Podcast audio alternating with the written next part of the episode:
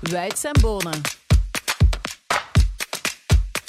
Van harte welkom. Ik begrijp helemaal dat u nog even moet bekomen van de eerste koersen in ons land. Maar geloof me, het is nog maar het begin van eh, heel wat lekkers dat er nog eh, aankomt. Komende zaterdag is er al eh, de Strade Bianche. Daar hebben we het uitgebreid over in deze Wuits en Bonen. Maar uiteraard, we gaan het ook hebben over uh, ja, de koersen van afgelopen weekend. Kuurne-Brussel-Kuurne, Omloop het Nieuwsblad. En het zijn twee koersen die ons toch wel heel wat geleerd hebben. De gasten hier aan tafel die moet ik eigenlijk niet meer uh, voorstellen. Maar ik doe het toch met heel veel plezier. Dag uh, Tom Bonen. Hallo. En dag Michel Wuit. Hallo. We gaan uh, ja, straks uh, heel uitgebreid praten over het afgelopen weekend. We gaan ook uh, vooruitblikken. Maar vooraleer we er echt aan beginnen, Michel, eerst drie vragen. Zonder uit te wijden, dat mag je straks doen. Um, hoe blij was je om weer publiek te zien bij de koers, Michel? bijzonder blij. Ik moet zeggen dat ik nooit last gehad heb van het afwezig zijn van het publiek bij het becommentariëren. Maar ik was wel onder de indruk toen dat publiek er weer was. Ik heb het dan over de cyclocross-periode. Ja. En dan heb je dan toch die ervaring van... Dat is toch wel een totaal andere beleving, hè. Um, publiek is toch wel degelijk een factor die een mens ook blij maakt en die ervoor zorgt dat je ook veel meer van jezelf in dat becommentariëren gooit. Ja. Veel meer enthousiasme. Mm -hmm. Publiek maakt de koers de koers, hè? Ja, absoluut. Nee. Um, het verschil, denk ik, tussen de voorbije twee jaar, waar er toch vaak geen publiek of heel weinig publiek aanwezig was, is immens geweest. En dan zeker ook op dat parcours. De muur dat er terug in zit met de, met de gekende rijen die ernaast staan, dat was uh, een heel ander gegeven dan de voorbije koersen die dat we gezien hebben met, met weinig of geen publiek. Dat is echt uh, een heel groot verschil. Ook voor de renners trouwens. Ja, sowieso. Wie was voor jou de verrassing van het weekend, Tom? Goh, verrassing kunnen we het niet echt noemen, maar ik was heel aangenaam verrast uh, door Victor Kampenaerts. Uh, niet zozeer dat ik twijfelde aan het feit dat hij dat ging kunnen, maar gewoon de, de fighting spirit, de weerbaarheid die hij tentoon heeft gespreid om, uh, om te blijven terugkomen. dat alleen al is, is het denk ik een, een overwinning waard, want dat was op het moment dat het echt hard ging in het peloton. Ja. Er kon vooraan eigenlijk niemand wegrijden of de koerslag was echt, echt volledig, ze waren de koers aan het boetseren om een harde finale te maken. En dan komt hij gewoon terug aansluiten. We nog eens van fiets, komt hij terug aansluiten, rijdt hem mee weg. En dan uh, wordt hij uiteindelijk nog vijfde. Dus uh, heel aangenaam verrast. En ik denk dat we er uh, nog veel goeds van gaan zien dit voorjaar. Michel, jouw verrassing? Ehm, Narvaez. Ja. Tot twee keer toe. Twee keer? Tot ja. twee keer toe. Hij was mee op de Berendries. En dat waren geen sukkels die daar wegreden. Nee. Het was eigenlijk een ideaal tweetal. twee keer. De twee mannen van Ineos, eh, twee mannen eh, van eh, Jumbo-Visma. Ik zeg, potverdikke, die komen eraan is mee. Gisteren was hij weer mee. Ja. En wat scheelt het dan uiteindelijk? Niet veel. En wie stelde het meeste teleur? Um, op dag 1 toch duidelijk uh, Quickstep. Hè? Daar hebben we het straks uitgebreid over. moet ik nu ook nog ja. erbij zeggen. Um, ja. Quickstep. Bijna nergens. Bijna nergens. Tom? Ja, ze zijn uh, weggereden geweest. Hè. Op zaterdag uh, waren er weinig excuses in te roepen. Dus het is niet dat er ergens een, een valpartij is geweest waardoor ze een paar keer de aansluiting wat konden missen. Het was echt gewoon um, ja, op, op uh, de harde realiteit gepakt. Hè. Op het moment dat het hard ging, waren ze, waren ze weg. Okay. Dus uh, ze kunnen dan misschien wel wat excuses inroepen van een Asgreen die ziek geweest is, of noem maar op. Uh, maar iedereen heeft zo zijn verhaal, denk ik, nu in de aanloop van het seizoen. Dus uh, harde conclusie was uh, niet aanwezig op zaterdag. Niet aanwezig op zaterdag. We hebben het er uh, zo meteen uitgebreid over, maar het levert al in elk geval deze antwoorden voldoende gesprekstof op. Laten we er echt aan beginnen. Voilà, ere wie ere toekomt. De winnaar heeft altijd gelijk. En de winnaar van de omloop is Wout van Aert. De winnaar van Kuurne-Brussel-Kuurne, Fabio Jacobsen. Eerst over de omloop en over Wout van Aert. Michel, mm -hmm. was hij al beter dan verwacht? Ja, ja, ik heb toch alweer moeten terugdenken aan zijn uh, intrede in de cross in Boom. Toen iedereen op twee minuten zette. Ik heb heel voorzichtig gezegd van stel u eens voor dat hij op die manier binnenkomt. Maar de tegenstand is natuurlijk een stuk groter. Er zijn zoveel meer componenten die meespelen. En toch rijdt hij weg daar waar hij dat beslist heeft. En is hij de enige in het hele compacte gezelschap die dat kan zeggen. Ik ben ermee weg, jongens. Tot straks. Hè. Bye bye. Ik zie u als ik op het podium sta. Hè. En zo krijgt hij zijn eh, coach, Mark Lambers, toch wel weer gelijk. Hè. Zonder wedstrijdkilometers aan het voorjaar beginnen. Van op de berg in Tenerife de tijden naar de start in Gent. Is daarom dat ik eh, onmiddellijk na de wedstrijd Mark Lambers bij mijn uh, top 3 gezet heb? Hè, vanwege het lef hebben om dat aan te durven. Maar ik stel vast dat ze daar met z'n vijf waren bij Jumbo-Visma. Die ook uh, zonder competitie aan de start verschenen mhm. zijn. En dat er op het podium nog eentje stond die zonder competitie aan de start gekomen is. Met name Colbrelli. Dus dat lijkt me toch wel een nieuwe tendens. Dat zal niet voor iedereen van toepassing zijn, want niet iedereen zal dat aankunnen lichamelijk. Maar er zal toch in andere kampen wel over nagedacht worden. Ja, dat kan Dan moeten wij nu ook schakelen. Wat denk jij ervan, Tom? Um, ik denk dat dat een tendens is die al even bezig is. Hè. Ja. Um, de competitie die vroeger ja, heilig was, en uh, niet alleen heilig was, waar je uiteindelijk ook voor betaald wordt om, om koersen te gaan rijden, was er niet veel sprake van dat wij konden zeggen van ik rij één of twee rondjes niet mee en ik ga mijn eigen volledig focussen uh, op mijn training. Dat, ja, dat ging gewoon niet, dat was niet not done. Nu denk ik dat er veel meer gepiekt wordt, veel meer gericht wordt, veel meer risico's gemeden wordt uh, in die voorbereidingswedstrijden. Want ja, de jaren dat je aan de start komt van, van een omloop met al één of twee valpartijen op je konto, die zijn ook meer aanwezig dan dat ze er niet zijn. Dus het is sowieso de betere manier. Hè. Het gaat veel meer de richting uit van atletiek en andere sporten, waarin dat je echt een voorbereidingsperiode hebt naar een wedstrijd toe, of naar een, een, periode van wedstrijden toe. En dat je zeker geen competitie gaat doen in die voorbereiding, want die verstoort eigenlijk uh, enkel hetgeen wat je voor ogen hebt. En dat is goed zijn in die paar weken. Uh, is dat een goede tendens? Ja, ik denk het, zoals uh, Michel ook zegt, voor sommigen wel. voor anderen niet. Werkt ook niet voor iedereen. Maar is Wout van Aert nu nog maar... Zit hij nog maar aan 90% van zijn kunnen? Goh, wie weet dat. Ik denk dat Mark en Wout dat misschien wel zullen weten. Hè. Maar je ziet wel heel duidelijk dat, uh, dat het een super, super lastige finale is geweest op de Bosberg. En er was eigenlijk niet echt mogelijkheid tot de wegrijden. Dus iedereen botste tegen die muur, ze reden een stukje weg en ze kwamen terug. Hmm. Uh, het moment dat Wout wegrijdt, was dat net hetzelfde. En hij is de enige dat er eigenlijk uh, stelselmatig gewoon seconde bij seconde bij aanplakt. Vlak voor de Bosberg. Ja, dus het was, een, het was een duidelijk niveauverschil met de rest. Uh, ik denk dat Victor misschien had kunnen volgen, dat stukje nog, zonder dat uur dat hem eigenlijk moeten achtervolgen heeft. Ja.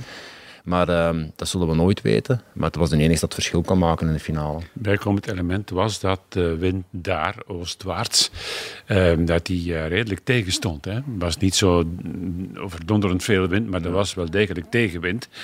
En om dat dan uh, klaar te spelen, ja, dan ben je echt duidelijk veel beter dan de rest. Mm -hmm.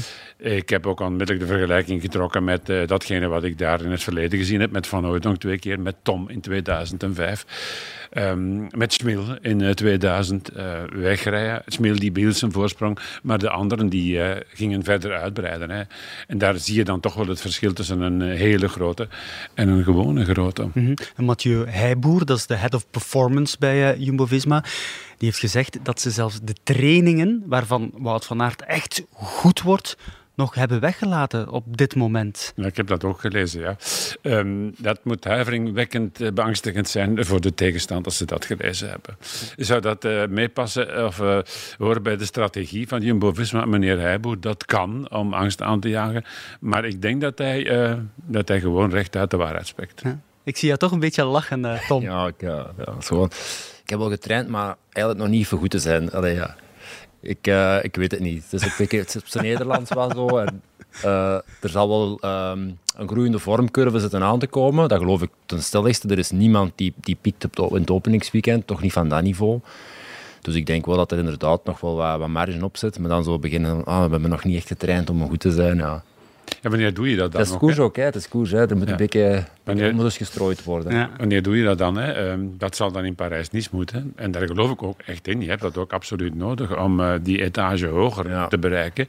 Um, dan, ja, dan kun je misschien nog een klein beetje bijzetten. Um, in de periode tussen Parijs-Nice en uh, Milaan-San Daar moet je dan toch ook weer voorzichtig mee zijn. Uh -huh. Oké, okay. maar het is wel... Er is wel een nieuwe wereld opengegaan hè, voor Wout van Aert. Koersen met dat team, dat was wel opvallend. Hè? Oh, de jongens die zijn eh, binnengehaald hebben toch al uh, mooi werk uh, geleverd. Hè? Het is een totaal andere instelling als je moet klaarstaan of klaarzitten op uh, 55, 60 kilometer van de streep. En nu kun je je rustig in de Bermuda-driehoek of Elders of noem het zoals je wil gaan ophouden. Om dan pas 30 kilometer verderop op je kivive gaan leven en zeggen van ja, nu kan het aan mij zijn, ieder moment. Dat is totaal wat anders. Hè? Hm. Hoe moet Wout van Aert zich gevoeld hebben tijdens de koers? Kan je dat inschatten? Ik denk uh, dat er een hele goede schwung in zit van, uh, vanaf dag 1 nu al. Hè. Dus je ziet Ties Benoot ook. Ties Benoot uh, nestelt zich veel beter in die rol met zo'n hele sterke kopman, een zwaar geschut langs hem.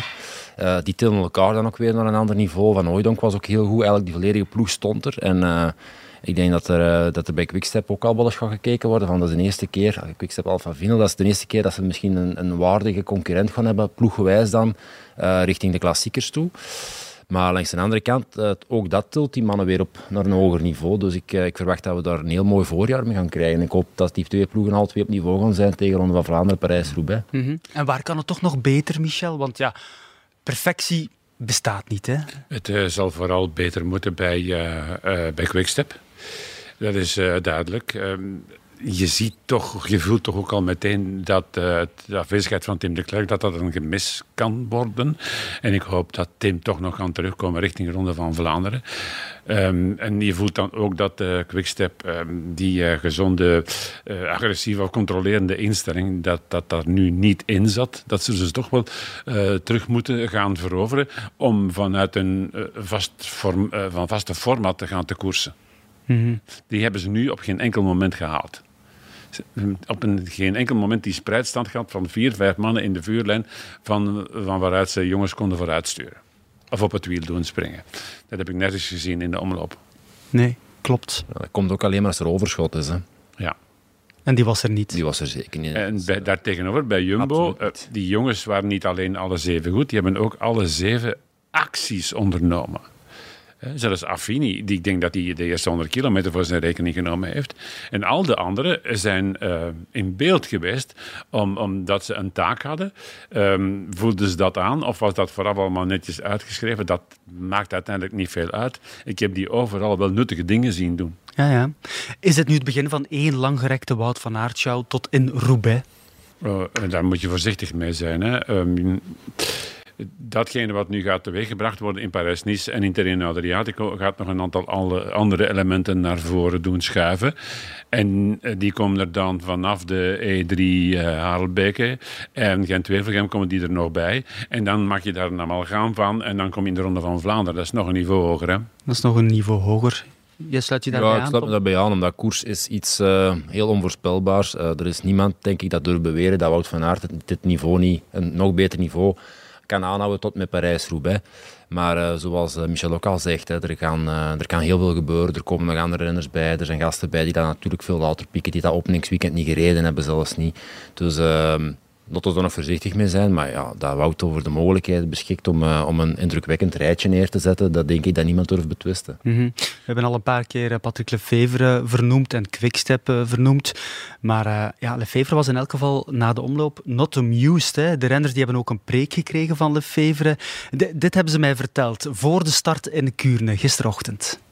Wat is er gisteren op de debriefing gezegd in de bus tussen de renners?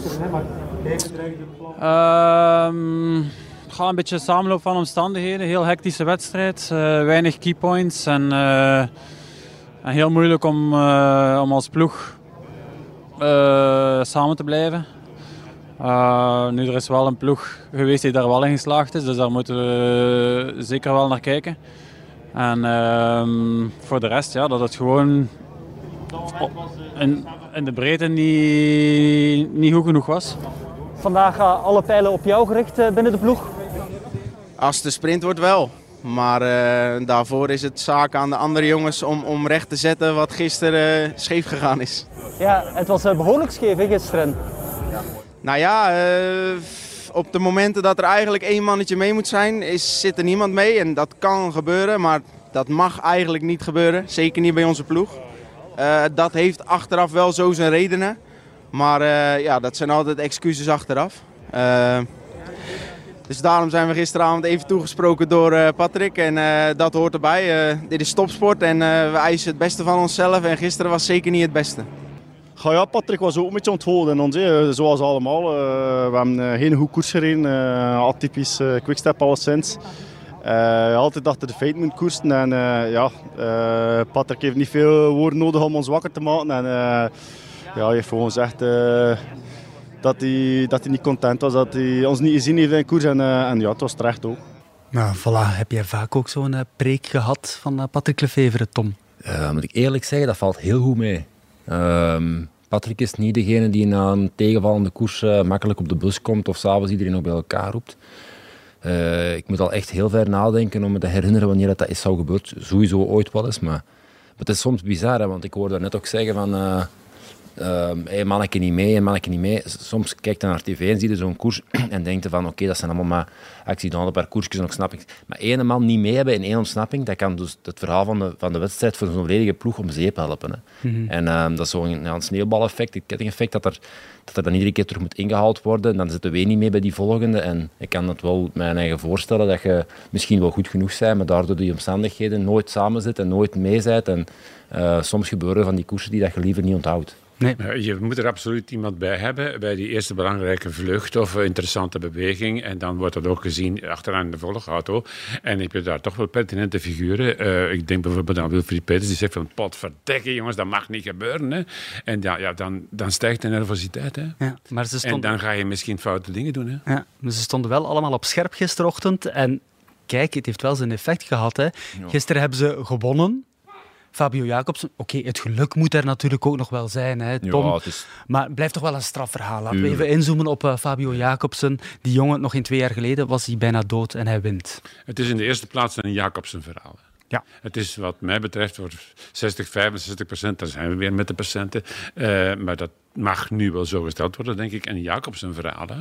Hij moet de sprint toch van uh, ver aanzetten om uh, er toch nog zeker van te zijn dat hij over Laporte geraakt. Hè. Ja. Het gaat uiteindelijk nog vrij makkelijk, maar je moet wel uit je pijp komen, hè, vroeger dan je dat verwacht. Mm -hmm. Ook al gaat het op de Brugse Steenweg iets of wat bergaf. Ja, je zit ook in, die, in, die, in, die, in de, de slipstream eigenlijk van die. Het was eigenlijk wel, ik denk niet dat hij echt een, een, een, veel zwaardere sprint moeten rijden heeft dan dat hij wat anders moet rijden. Ik denk dat, dat hem, als hij die twee mannen niet voor hem had gehad, dat het misschien nog moeilijker had geweest. Het is eigenlijk in die, in die dubbele aanzuiging ja. zo. Dus ja. veel nadeel heeft hem er niet van gehad dat hij vroeg moest aangaan. Maar uh, ja, Fabio heeft, uh, het, is een, het is een enorm verhaal ook, hè, om hier terug te kunnen winnen op dit niveau. Um, en volgens mij dat er nog veel meer moois zit aan te komen, is, uh, is echt eerder uitzonderlijk dan, uh, dan dat dat nog vaak gebeurt na zo'n zware valpartij. Ja, ja. Zeker hij, als sprinter zijn. Dat is, en echt, hij, echt moeilijk. Hij droomt ook van nog veel meer. Hè. Hij, hij, had natuurlijk ook al eens uh, Kuurne gewonnen in het mm. verleden, maar gisteren hoorde ik hem ja, aan een aantal krantenjournalisten zeggen, ja, oh, Milan Sanremo. Ja. Daar, daar, droom ik toch wel van. Uh, terecht, hè? Degene met wie hij nu zou uitgespeeld kunnen worden voor een plaats in de Tour als afwerker in de sprints, is Cavendish. Die won Milan Sanremo in 2009. Ja. We zijn nu 2022. Hè? Spreekt voor zich dat hij dat ook wil. Hm? Spreekt voor zich dat hij nu al bezig is met het afdwingen van zijn plaats in de tourselectie. Mm -hmm. Die plaatsjes die zijn duur. Maar ik zou daar in elk geval gezien zijn kunde en zijn overmacht in de sprints. Hij wint zijn vijfde gisteren. Daar zou ik geen seconde aan twijfelen richting Tour. Mm -hmm. Wat moeten we nog van uh, Kuurne-Brussel-Kuurne onthouden? Uh, Michel, de winnaar, weten we, Fabio Jacobsen. Uh, wel, er is daar dat ene momentje waarvan ik denk, als dat anders verlopen was, dan had het misschien wel gekund dat bijvoorbeeld Laporte Kuurne Brussel Kuurne had gewonnen. Welk moment? Um, het moment waarop uh, Ties Benoot uh, in overleg gaat met zijn uh, ploegleider en zegt van nou, moeten we hier nu nog blijven doorrammen of ga ik me laten inlopen? En kiest dan voor het tweede. Ik vraag me af, als hij daar wel bij blijft, dan moet hij gezien zijn kunnen wel meegaan met Narvaez en met uh, Laporte en met de derde man, Taco van der Hoorn. En dan kan dat misschien voldoende zijn om het verschil wel nog breed genoeg te houden om Laporte te laten winnen. Mm -hmm. Ik suggereer maar. Interessant. Had je kunnen. Het had gekund. Had je kunnen. Maar het kan ook zijn dat als uh, Tizo dan ook bij zit en ze zitten eigenlijk echt in de numerieke overheid, dat ze dan veel sneller terugkomen omdat de samenwerking stokt. Dus dat weten nooit op voorhand. Van der Hoorn rijdt altijd. Ja. Ja. Maar ja, alleen... ziet daar zo graag. Hè? Ja. ik, had, uh, ik, had, ik vond het wel leuk, omdat Kuurne is eigenlijk uh, ieder jaar opnieuw. Je mocht daar andere spelers aan de start zetten. Dat, generaties over generaties, dat is iedere keer opnieuw bijna hetzelfde. Ja. Het is altijd net wel, net niet. Ja. Blijft wel spannend, hè? Blijft altijd spannend. Ja. Blijft Ja. altijd spannend. En zelfs Eh, met de solo's tot- blijft het tot de spannend. laatste Ja. kilometer durfde nog niemand zeggen Nee, nee. van Nee. wie gaat er hier winnen. Maar uiteindelijk is het eh, Fabio Jacobsen eh, van Quickstep Alpha Vinyl. En gisteravond heb ik in uh, Waregem met eh, Patrick Lefevre afgesproken. En ik wou weten eh, wat eh, Lefevre eh, heeft geleerd van het openingsweekend. En vooral wat hij denkt van het sterke blok rond Wout van Aert. Ik zou zeggen, kom ik het gelijk was dat gelijk. Hè. We hebben al onze elfde koers gewonnen vandaag. We hebben er tien gewonnen in, in het voorseizoen. Een van de twee openingsklassiekers. En uiteindelijk, uh, het is onze scorejaar. Hè. Maak de balans op naar Luik, naar de Tour en naar Lombardije. En dan kun je pas spreken van een slaafseizoen of een slaafvoorjaar. Maar niet, uh, niet naar Kuurne. Dus Kuurne zijn van, ja, oké, okay, gisteren was niks en vandaag winnen we. Ik ga de renners niet, niet aanpakken daarvoor. Hè. Maar zal het toch anders koersen zijn voor jouw ploeg, voor Quickstep Alpha Vinyl, als Wout van Aert op het wedstrijdblad staat? Maar het is duidelijk dat hij de beste was, Hester. En waarschijnlijk heel het voorseizoen gaan we er overal moeten mee rekenen. Hij is gewoon super sterk geworden. En maar anderzijds uh, helpt het ons ook wel, want wij zijn dan niet meer alleen de ploeg die, zoals voorgaande jaren, altijd van uh, kilometer nul uh, alleen de koplopers moeten onderschot houden en controleren. Dus met Jumbo erbij, ik heb eigenlijk, zoals ze mooi zijn in het Frans, een compagnon de route. Maar jullie identiteit van deze ploeg, van jouw ploeg, is toch offensief, agressief koersen en zeker niet in het defensief gaan. Hè? Dat, dat mag toch niet gebeuren, hè? Nee, maar dat gaat ook niet gebeuren. Hester, was ik zei nog een keer, Hester dat we een beetje achter de feiten achter koersen, waren niet goed. Maar vandaag ja, wisten we dat we moesten voor je Fabio gaan. Er waren natuurlijk twijfels in, uh, bij, de, bij de publieke opinie, dat we zeggen, van is de koers niet te lastig voor de sputters. Maar het is duidelijk gebleken dat uh, dat niet zo was. Hè. Het voorjaar, wat verwacht je er nu nog van? Want ik denk jouw ploeg op dit moment 80, 85 procent. Ik weet het niet, ik, ik kreeg het zo niet. Als ik zie dat we, dat we al elf koersen winnen, waaronder één in het openingsweekend, dan ga ik zeker niet de klaarmuur, aan de klaarmuur aan staan. Maar dan natuurlijk de grote slagen komen nu. Hè. Ik bedoel, uh, dinsdag Massamijn, dan Tirreno, Parijs-Nice, Sanremo. En dan, ja, het stopt niet. En dan, ik ga natuurlijk maar een gelukkige persoon zijn als er na Luik een van de monumenten op onze eerlijst staat. Hè. Voilà, de lat ligt hoog. De lat ligt altijd hoog bij uh, Patrick Lefevre. Maar kunnen de Wolfpack, want dat vind ik wel interessant, kunnen de Wolfpack en Jumbo-Visma inderdaad elkaars compagnon de route worden dit voorjaar, Michel? Ik heb dat een goede maand geleden al geschreven. En dat lijkt me een natuurlijke evolutie. En ze zijn niet alleen. Ineos rijdt ook altijd graag en neemt ook graag initiatief. Um, ik verwacht dat ook van Trek, maar die zijn nog niet op snee. Dat is uh, in dit openingsweekend uh, gebleken. Maar dat komt nog wel. Dus er zijn wel meer initiatief, initiatiefnemende ploegen. Maar het is natuurlijk wel zo, als je een Tim de Klerk in je rang hebt, dan kun je als eerste openen. En zeggen van, kijk, ze hebben vier minuten, we gaan Tim vooraan zetten, dan volgt de rest wel. Mm. Het is toch een gemis, hè? Ja, dus natuurlijk is dat een gemis. Zoals je dan ook uh, voelt dat uh, in de omloop uh, Asgreen nog niet in optima forma is. Ook dat is een gemis. Ja. Ja, dat is het mooie er ook aan. Hè. Je hebt eigenlijk acht individuen en uh, dat is een heel goed geoliede machine. Je haalt er één tandwielje uit en je denkt van ah, ik heb nog zeven goeie uh, mannen aan boord en verplaatsen er eentje. En toch werkt dat dan niet altijd direct. Dus die zijn echt heel goed op elkaar ingestemd, uh, ingesteld. En uh, op de een of andere manier kun je niet zomaar figuren vervangen en, uh, en verwachten dat je dan hetzelfde resultaat gaat bekomen. Dus ja, ik hoop ook voor Tim dat hem heel snel terug kan aansluiten bij de, bij de ploeg en uh, dat hem op de plaats kan rijden waar dat hem hoort. -hmm. Dan wordt het uitgangspunt ook anders. Hè? Je weet dat natuurlijk als geen ander als ploegleider. En dan wordt op de bespreking wel eens gezegd van ja, we gaan het toch wel iets voorzichtiger aanpakken. En niet zo prominent de boel in handen pakken. In elke koers kan er uiteindelijk maar één iemand winnen. We hebben het al gehad over uh, Jacobsen, over Wout van Aert. Um, maar we gaan ook even inzoomen op enkele andere renners die zich dit weekend wel getoond hebben. Maar eerst toch nog iets anders over de aankomstplaats van uh, de omloop. Uh, want jij bent de burgemeester tegengekomen, Michel, uh, de burgemeester van Ninove. Die had wel iets opmerkelijks te vertellen. Ja, we hadden een uitgelezen stek. We zaten in een uh, soort van loft en daar kwam de burgemeester, mevrouw Tanja de Jonge, op bezoek. En uh, een van de jongere collega's vroeg van, hoe zit dat nu met uh, dat contract? Wordt dat verlengd in Ninove? Mm, vrees ervoor, was het antwoord. Dus volgend jaar wellicht geen aankomstplaats in Ninove van de ten, omloop. Tenzij, tenzij er nog uh, deftig onderhandeld kan worden. Maar dat gaat over geld. Hè. Ja. Dat we niet om de pot draaien, dat gaat over geld. En je moet ze maar blijven neerleggen. Hè. Mm -hmm. En als de concurrentie meer wil geven, wat wellicht zo het geval is. Want uh, bijvoorbeeld Gerasberg is bijzonder tuk op een uh, plek als aankomstplaats van een, in dit geval toch wel een klassieke wedstrijd. Dus zullen ze dat in gretigheid aanpakken aankomstplaats in Gerasbergen op de Vesten. Tom, wat zeg je daarvan? Ja, ik vind het heel mooi. Hè. Heeft een enorme plaats in de wielrengeschiedenis. Ehm aankomst op de Vesten is altijd leuk. Maar we moeten gewoon opletten dat we geen kopie gaan maken van eh, de rit van de Ineco Tour, de finale rit van de Ineco Tour. Maar ehm, de mogelijkheden zijn eigenlijk aanwezig. Je kunt alle kanten uit. Je kunt de muur ook iets vroeger in de finale leggen, dat je, hem- dat je hem niet op 15 kilometer van de aankomst moet doen en dan toch de Vesten behouden. Dus allee, parcours tekenen, dat is, eh, zijn genoeg mogelijkheden om er een mooi parcours van te maken. Ik heb wel het gevoel dat het wel een mooiere aankomstplaats dan zou zijn, Gerardsbergen. Als die goed ingekleed is, eh, in elk geval. Ehm, ook dat heb- ik al eens ooit eh, gedaan. Een top 10 gemaakt van de aankomstplaatsen. eh, wat de uitstraling betreft. En daar stond eh, die aankomst op de Vesten op één. Oké, we zullen wel zien of het effectief ook zo zal zijn. Maar wel interessant, als de burgemeester dat zegt, dan is daar meestal toch wel iets van aan. Goed, een aantal namen overlopen van eh, renners die zich in de kijker hebben gereden. Greg van Avermaat, laten we het daar eens even over hebben.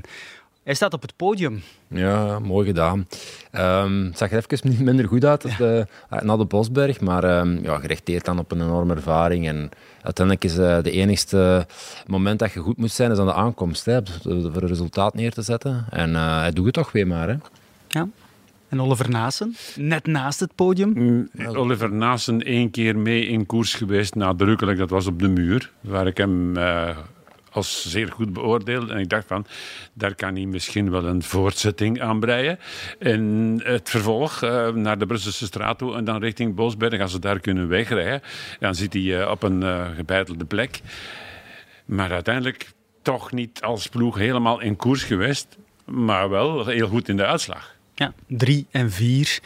Ehm, wie tweede was in de omloop, Sonny Colbrelli. Je bent geen fan hè, van Colbrelli, oh, jawel, Michel? Oh, jawel, jawel. Dat is een misverstand. Je noemt hem een sleper. Dat is een misverstand. Ehm, ik heb eh, de mooiste herinneringen aan Colbrelli. Ik heb een keer of twintig van haast alle koersen de podiumpresentatie gedaan. En het is een zalige vent. Maar het valt me tegen van een Europees kampioen, ehm, van een winnaar van Parijs-Roubaix, dat hij dat op het wiel rijdt en daar dan stopt. Ja. Maar goed, hij heeft intussen wel een mooi palmarès al bij gereden. Hè? Wellicht, Op die manier. Wellicht heeft hij ook Ja. zelf kennis. Het is ook niet enkel op die manier. Hè. Het, is, het is roeien met de riemen die je hebt. Hè. Als je Parijs-Roubaix kunt winnen met drie minuten voorsprong, dan zullen we dat waarschijnlijk wel doen. Maar als je dat niet kunt, maar je kunt wel winnen door een beetje te slepen, wat dat met Parijs-Roubaix eigenlijk niet echt gedaan heeft, dan denk ik toch dat je kunt spreken van een eh, zelfkennis en iemand die, een, eh, die weet hoe dat een koers moet winnen. Ja, dat is waar. ja, maar toch, je weet eh, be- veel beter dan ik dat als je een hoog verwachtingspatroon schept, dat daar dan nog wel wat meer van verwacht wordt. Ja, En en dat je dan ook de koers meemaakt. ik denk dat vooral op het einde van zijn carrière zijn palmarès dat het belangrijkste is voor hem en niet hoeveel Ja. kilometer hij op kop heeft gereden. Ja. Dat, Maar eh, het waren ook mannen waar ik vroeger niet graag mee voorop zat. Want ja, je wilt, je wilt toch dat iedereen ongeveer hetzelfde duit in, in het zakje doet. Maar eh, ja, dat wordt gewoon bij de koers. Hè. Het zal een koning zijn in het doseren. En je hebt een probleem natuurlijk. De allersnelste zijn daar in dat soort koersen dan al weg. Ehm, dan heb je een probleem als zij aan je wiel zitten. We hebben hem al een paar keer vernoemd, denk ik, in het begin. Ehm, Victor Kampenaerts. Maar ik wil toch nog even de aandacht op hem eh, vestigen, want eh, die was toch heel sterk. Hè? Vallen en opstaan en blijven gaan. En toch nog vijfde worden in de omloop. Het was ongelooflijk eigenlijk. Ja, ja, Victor is eh, volledig... eh, allee, nee, ik ging zeggen, hij was volledig, is volledig bezig met zijn reconversie, maar die is eigenlijk al gebeurd. Dus Ja. ik denk dat hij enorm gemotiveerd ook is om, eh, om dit echt te doen slagen. En eh, dat hem zich enorm amuseert ook.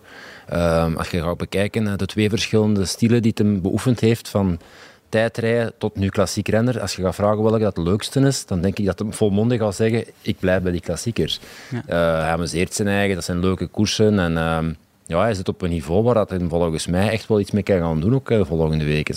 Het is eh, een volwaardige compagnon voor een Wout van Aert, voor iemand waar hij mee voorop te rijden. En hij schuwt de aanval niet, hij is eigenlijk bijna altijd mee.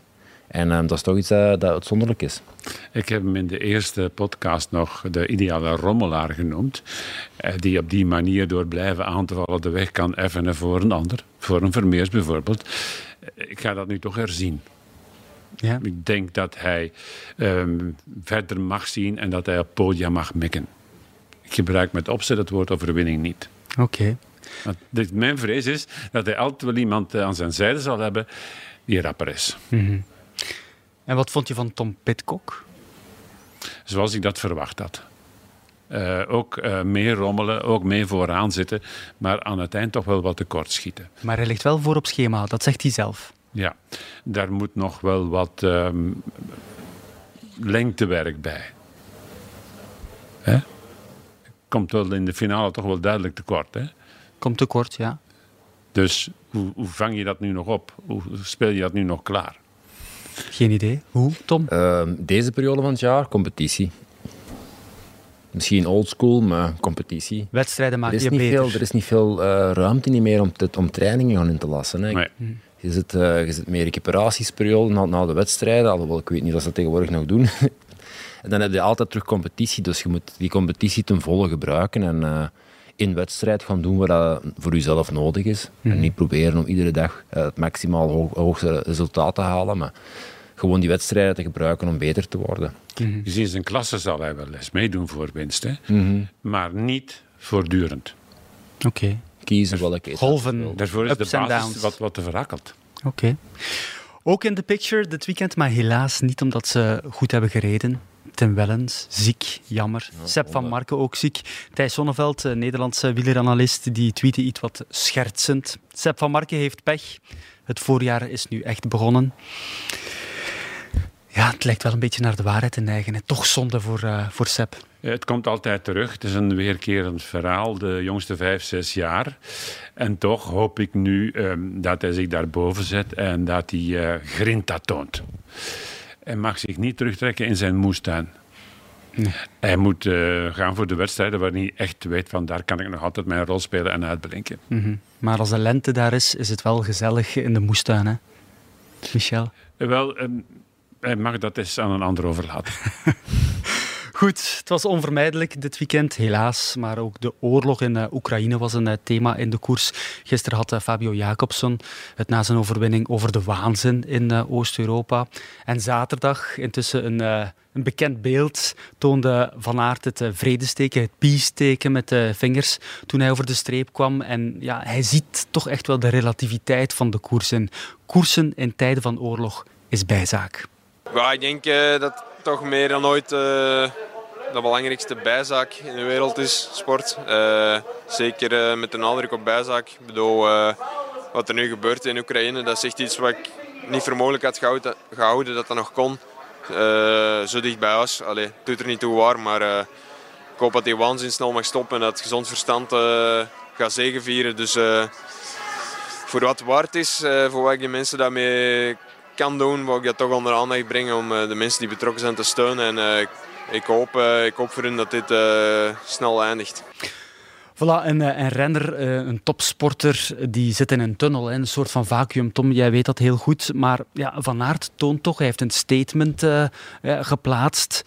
Toont toch dat hij een man is met een geweten die ook in de wereld staat. Kan je dat niet zeggen? Hoe moeilijk is dat als je in de wedstrijden zit in die tunnel om toch te weten wat er buiten gebeurt. Ja, dit is, dit is, dit is geen, uh, geen klein akkefietje. Hè. Dit is iets dat iedereen aangaat op dit moment. Hè. We zitten helemaal niet zo ver van, uh, van Oekraïne, van Rusland. Uh, dat is de, de oorlog, denk ik, die ons het meeste bang maakt. Um, allee, in mijn leven toch. alle oorlogen die, die er zijn geweest in mijn leven waren altijd heel ver van mijn bedshow. Mm -hmm. We zijn enorm veilig opgegroeid. Wij kennen het fenomeen niet meer. En nu in één keer in onze moderne en veilige tijd, waar dat iedereen uh, bepamperd rondloopt en iedereen uh, de kleinste opmerking persoonlijk pakt, wordt er nu in één keer gewoon zo een, een, waarschijnlijk een van de machtigste legers ter wereld, een klein landje binnengevallen. Uh, ik heb zelf er ook schrik van. Ik weet ook niet wat er gaat gebeuren. Ik heb er echt bang van. Ja. Echt? Ja, ja. Ik, ik zit er niet van wakker ligt, maar het is toch heel dichtbij. Dus de waanzin dat dat nog kan in deze tijd, is, ja, ontgaat mij een beetje waarom dat, dat allemaal moet. Mm -hmm. Maar het zegt toch wel iets over Wout van Aert die de, die de overwinning aangrijpt om toch ook eens te zeggen van kijk, ik ben daar ook mee bezig. Zoals Sagan hem dat uh, voor gedaan heeft, eh, om uh, Sagan's redenen.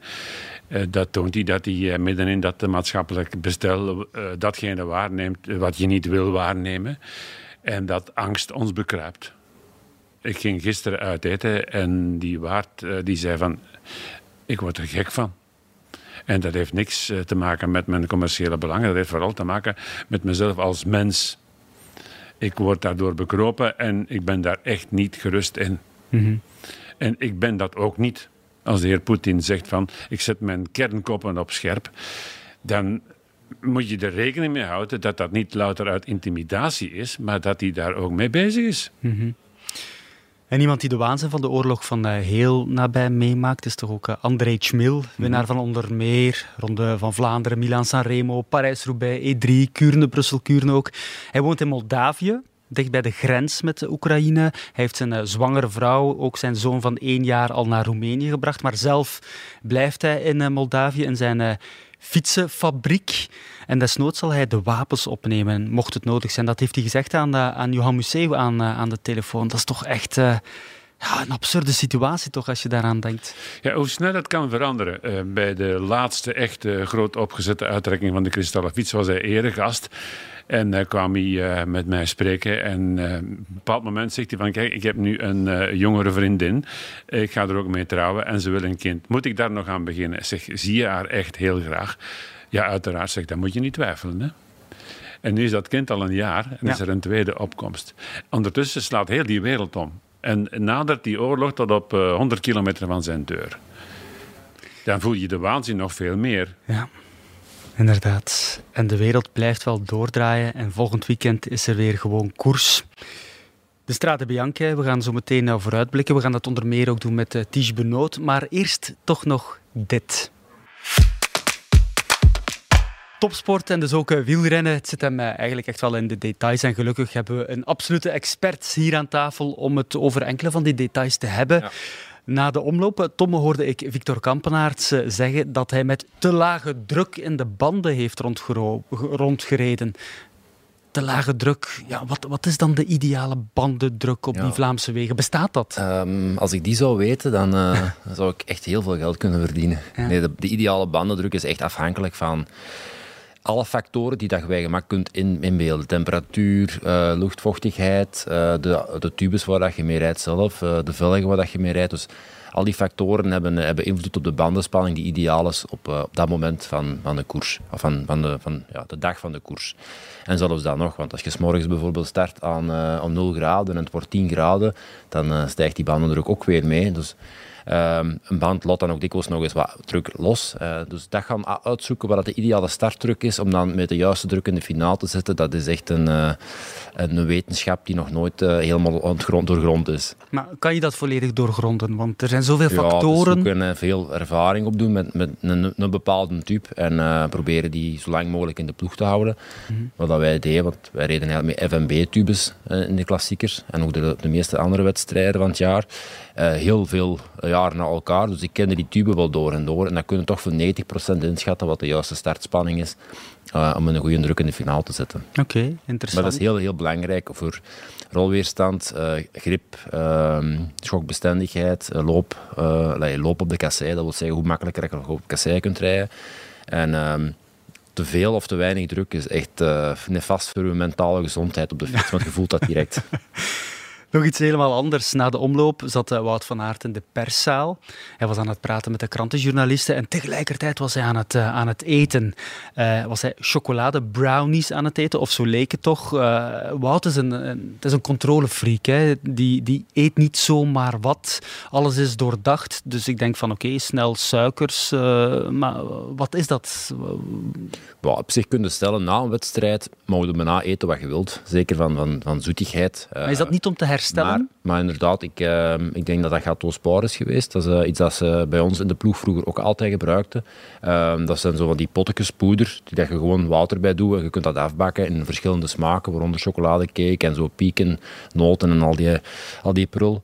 Ehm, en dat is pure voeding, ja, gewoon echt hetgeen wat je nodig hebt. Koolhydratencake, maar zonder al te veel slechte suikers in. En uh, zo zijn er duizend en één dingen die dat er uh, aantrekkelijk en lekker uitzien en toch ook wel lekker zijn, maar niet het echte spul. Maar ik dacht van, kijk, die zit hier nu uh, in een persconferentie.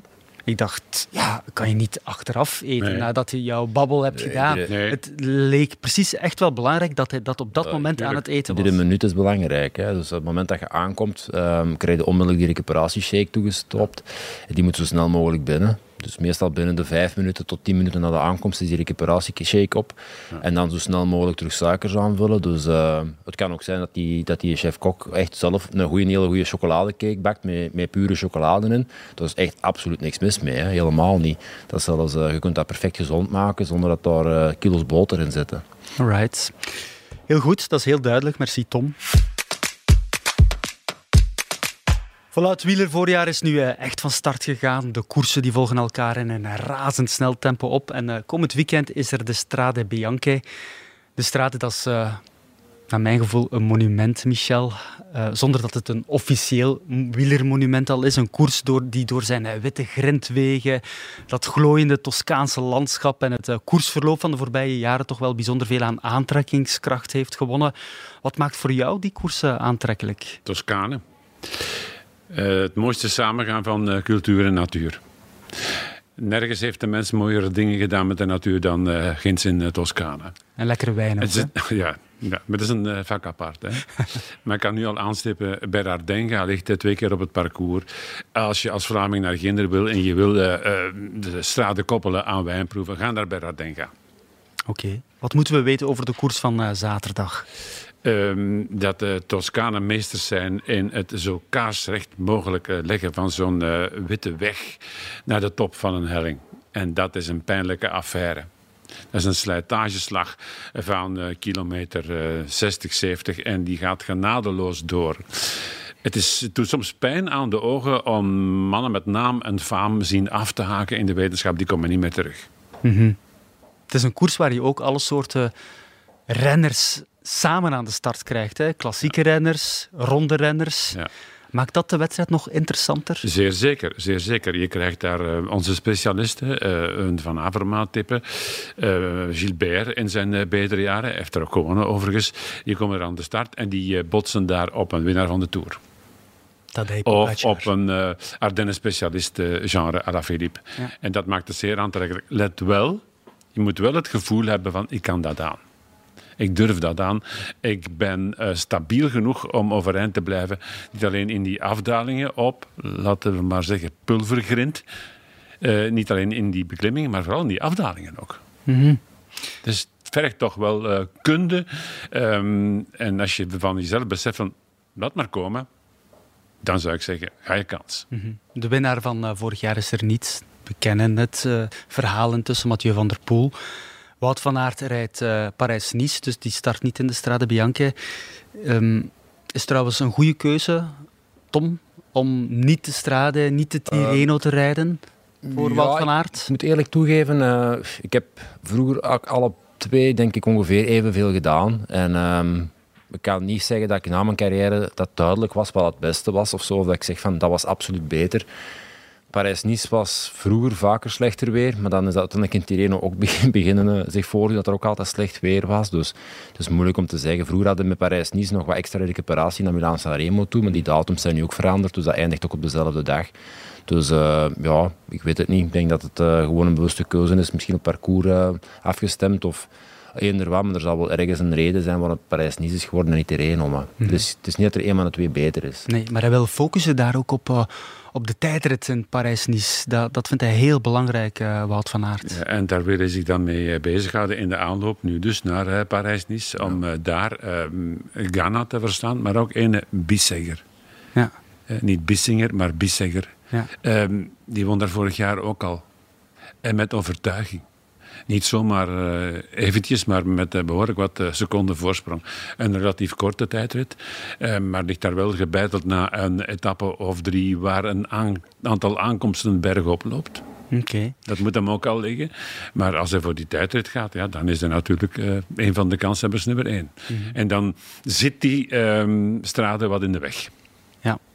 Dus het is te begrijpen dat hij niet uh, de Strade meerijdt. De man die het bij Jumbo-Visma moet doen zaterdag bij afwezigheid van Wout van Aert is Ties Benoot. En uh, Benoot, ja, dat weten we, die kent de Strade wel goed. Hij won er in 2018 voor Bardet en voor Wout van Aert, toen uh, derde. En ik herinner mij ook nog de, de, krampen en die pijnlijke grimassen bij Van Aert op die slotkim richting de Piazza del Campo in Siena. En Ties Benoot, die herinnert zich die overwinning alsof het gisteren was. En dan kom je over die meet, dan is daar het mediacircus, dan is daar al die hectiek. Wat herinner je je nog van dat moment daar? Ehm, ja, dat duurt wel lang tegen dat een moment voor jezelf. Dus dat was dan eerst uh, podium, dopingcontrole. Uh, ja, allemaal speciaal natuurlijk. Uh, ondertussen een keer met thuisbellen en zo. Um, en dan uh, kwam het moment dat ik tegen, tegen Arne, de pers, persverantwoordelijke, zei van ja, oké, ik, ik, ik weet de weg wel naar de bussen, maar die staan buiten het centrum van Siena. Dus hij was al door en ik zonder, zonder gsm of zonder gps of zo nog op de fiets de bus aan het zoeken. Rondje rond Siena gereden, eigenlijk volledig fout gereden, denk ik. Toch lang onderweg geweest, maar dat was wel een tof moment om om alles keer te laten bezinken. Zo'n kwartiertje alleen, zeg maar. S'avonds in Siena en dan uiteindelijk toch aan een bus aangekomen.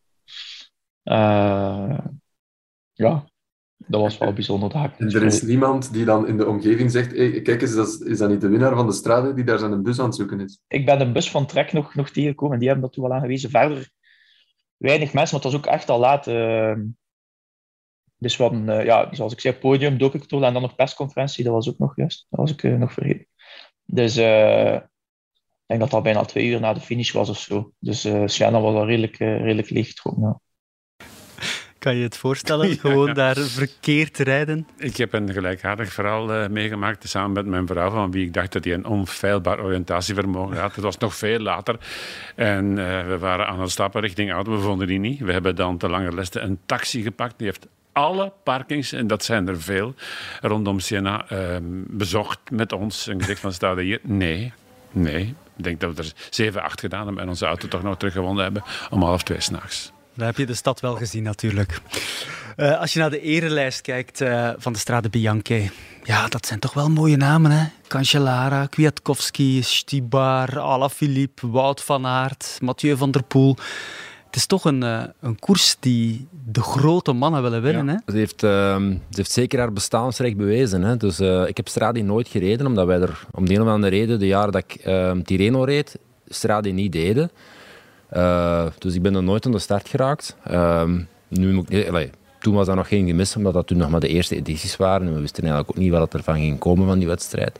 Maar nu is dat wel een wedstrijd met natuurlijk wat allure al. En mm. ze zetten er ook volop in. En ze wilden natuurlijk hun tegenhanger van Parijs-Roubaix, of weet ik veel wat ze nog mee van plan zijn, uh, in leven houden. Hè. Ja. Dat is een heel mooie koers. En ik heb spijt dat ik ze nooit gereden heb. De laatste drie winnaars, Van der Poel, Van Aert, Alaphilippe. Vorig jaar noemden we dit trio de grote drie die naam is, gaan vliegen, Michel. Dat valt wel op. Ja, dat heeft natuurlijk met omstandigheden te maken. Hè? Ja. Je kan niet voorspellen een jaar vooraf dat uh, Van der Poel bijzonder gaat uh, sukkelen met zijn rug. Hè? Dat uh, kun je niet voorspellen. En dat plots een andere oriëntering gegeven wordt aan het programma van Van Aert ook niet. Hè? Het is natuurlijk jammer, hè? want je wil altijd, dat is eigen aan het grote publiek, je wil dat is een keertje op een andere manier zien uitdraaien. Hè? Het hoeft niet iedere keer Alaphilippe te zijn of Van nee. der Poel. Het mag ook nog eens weer een keer van aard zijn. Zo werkt het natuurlijk. Maar nu is dat niet. Nu moet je naar uh, andere jongens gaan kijken. Hè? Mm -hmm. En een van die jongens, zaterdag, is misschien toch wel Ties Benoot. You never know. Hij is in elk geval het speerpunt in de straatdij voor uh, Jumbo-Visma. En wat hij verwacht van deze race, dat heeft hij verteld aan collega Jonas de Kleer. En zoals in de koers als Parijs-Roubaix of de Ronde van Vlaanderen, ja, natuurlijk gaat de koers niet winnen op de eerste stroken, maar daar kun je dan wel verliezen. Dus dat moet ook wel echt uh, bij de pinken zijn en vooral uh, ja, materiaalpech en uh, valpartijen vermijden. En wie ga jij vooral in de gaten houden? Want ja, nu, Wout gaat natuurlijk niet meedoen, dat is een ploegmaat. Uh, wie zijn volgens jou dan de grote favorieten?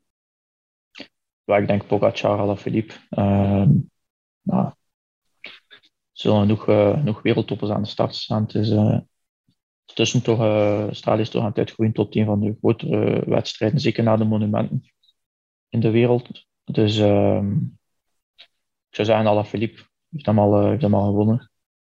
En dan ja, Pogacar uh, verwacht ik ook natuurlijk. En voor de rest zullen we wel zien uh, op een dag zelf. Ja, en heb je het gevoel dat jij nu in de conditie bent, in de vorm bent, waar jij op een goede dag jouw voet daarnaast kan zetten, naast die Pogacar, Alaphilippe, tijdens zo'n strade? Goh, ja, de editie dat ik won uh, was Alaphilippe er wel, denk ik. Of misschien, ik weet het niet meer, maar uh, toen waren er dan in geval ook zeer veel zeer sterke renners aan de, aan de start. Dus uiteindelijk moet je er wel van uitgaan dat je dat, dat kunt. Maar ik weet ook dat ik, um, dat ik echt een super, super dag moet hebben. En zij misschien niet net niet super zijn. En, en het weer dat misschien een beetje in mijn voordeel valt. En dan is er veel mogelijk. Dan is er veel mogelijk. Tom, kan hij winnen?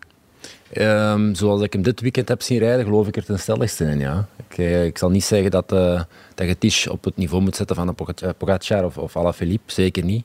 Maar als alles samenvalt op die juiste dag, en uh, hij heeft heel veel kans in de straat dat dat juist die dag gaat zijn, want alles is er aanwezig, dan um, durf ik hem op dit moment wel als kandidaat winnaar tippen. En dat stond toch sowieso wel in een top 3. Oké, okay. we hebben het straks over die top 3, maar Michel, kan hij winnen? Ehm, ja, ja, ik ga zelfs al een uh, tipje van de sluier oplichten. Uh, je had me gevraagd om een top 3 mee te brengen.